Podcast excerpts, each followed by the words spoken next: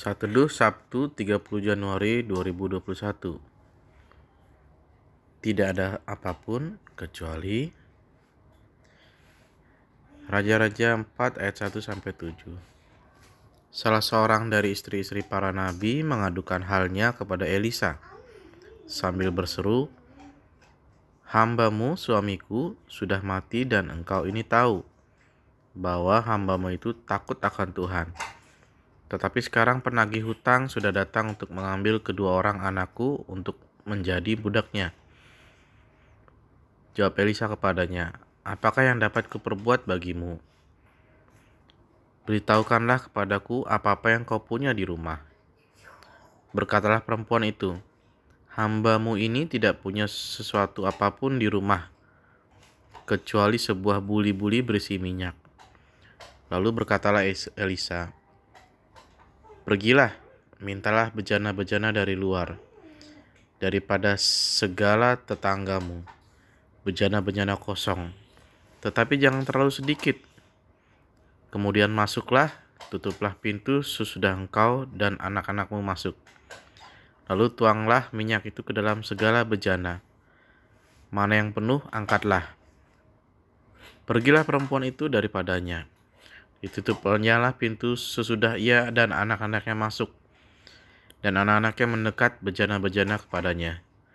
Sedang ia terus menuang. Ketika bejana-bejana itu sudah penuh, berkatalah perempuan itu kepadanya, pada anak-anaknya. Dekatkanlah kepadaku sebuah bejana lagi. Tetapi jawabnya kepada ibunya, Tidak ada lagi bejana. Lalu berhentilah minyak itu mengalir. Kemudian pergilah perempuan itu memberitahukannya kepada abdi Allah.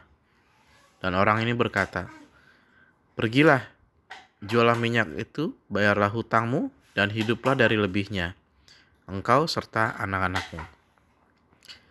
Dari cerita di atas, kita melihat bahwa janda tersebut tidak memiliki apa pun kecuali minyak. Namun hal yang menarik adalah mujizat yang terjadi terhadap minyak tersebut sehingga hasil dapat digunakan untuk membayar hutang-hutang dan penghidupan keluarganya. Kesulitan ekonomi membuat banyak orang berpikir untuk melakukan sesuatu yang lain daripada apa yang ada padanya sekarang. Hal itu adalah sesuatu yang wajar. Namun dari cerita di atas kita dapat melihat sesuatu yang menarik bahwa Tuhan dapat membuat mujizat dari apa yang ada, membuat itu penuh dan cukup untuk setiap kebutuhan. Kesan yang saya dapatkan adalah Tuhan ingin melakukan mujizat atas usaha atau pekerjaan yang saat ini engkau kerjakan.